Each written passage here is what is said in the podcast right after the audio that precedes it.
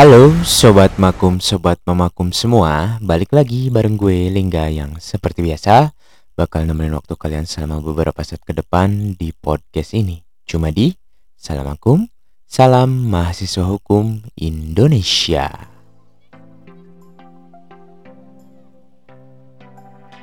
Sobat Makum, Sobat Memakum semua Edisi podcast kali ini bakalan bahas mengenai domisili atau tempat kediaman Kira-kira sobat makum dan makum semua uh, ada yang tahu nggak mengenai bahasan ini?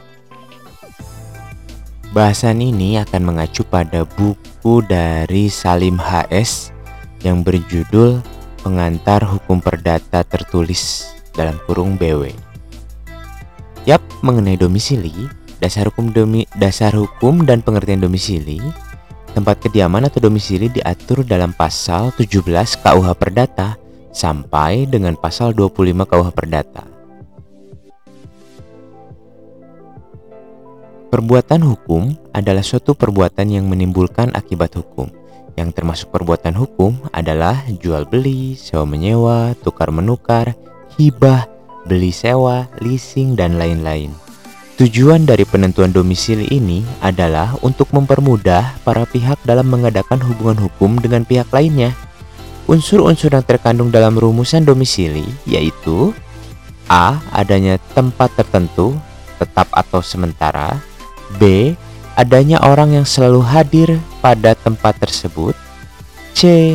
Adanya hak dan kewajiban dan D. Adanya prestasi Lalu macam domisili Domisili dapat dibedakan menurut sistem hukum yang mengaturnya, yaitu menurut common law, hukum Inggris, dan hukum Eropa kontinental. Di dalam common law atau hukum Inggris, domisili dibagi menjadi tiga macam, yaitu domisili of origin adalah tempat tinggal seseorang ditentukan oleh tempat asal seseorang sebagai tempat kelahiran ayahnya yang sah. B. Domisili of dependence adalah tempat tinggal yang ditentukan oleh domisili dari ayah bagi anak yang belum dewasa, domisili ibu bagi anak yang tidak sah, dan bagi seorang istri ditentukan oleh domisili suaminya. Dan C, domisili of choice adalah tempat tinggal yang ditentukan oleh atau dari pilihan seseorang yang telah dewasa, di samping tidak tan tindak tanduknya sehari-hari. Lalu di dalam hukum Eropa kontinental, khususnya KUH Perdata, tempat tinggal dibedakan menjadi dua macam, yaitu A. Tempat kediaman yang sesungguhnya dan B. Tempat kediaman yang dipilih. Tempat kediaman yang sesungguhnya adalah tempat melakukan perbuatan hukum pada umumnya. Tempat kediaman yang sesungguhnya dibedakan menjadi dua macam, yaitu A. Tempat kediaman sukarela atau yang berdiri sendiri adalah tempat kediaman yang tidak bergantung atau ditentukan oleh hubungannya dengan orang lain. B. Tempat kediaman yang wajib adalah tempat kediaman yang ditentukan oleh hubungan yang ada antara seseorang dengan orang lain, misalnya antara istri dengan suami, antara anak dengan walinya, dan antara kuratele dengan kuratornya. Ketentuan-ketentuan yang mengatur tempat kediaman yang sesungguhnya terdapat di dalam pasal 20 sampai dengan pasal 23 KUH Perdata. Manfaat dari penentuan domisili ini adalah dapat ditentukan tempat pendaftaran akta kematian pada kantor catatan sipil tertentu misalnya si A meninggal dunia di Kodia Mataram maka tempat pencatatan akta kematiannya pada kantor catatan sipil Kodia Mataram bukan kantor catatan sipil Lombok Barat. Itu misalnya. Lalu ada domisili of choice, domisili yang dipilih. Dapat dibedakan menjadi dua macam, dikemukakan berikut. A. Domisili yang ditentukan oleh undang-undang adalah tempat kediaman yang dipilih berdasarkan ketentuan yang terdapat dalam peraturan perundang-undangan. Biasanya terdapat dalam hukum acara, waktu melakukan eksekusi, dan orang yang akan mengajukan eksepsi atau tangkisan.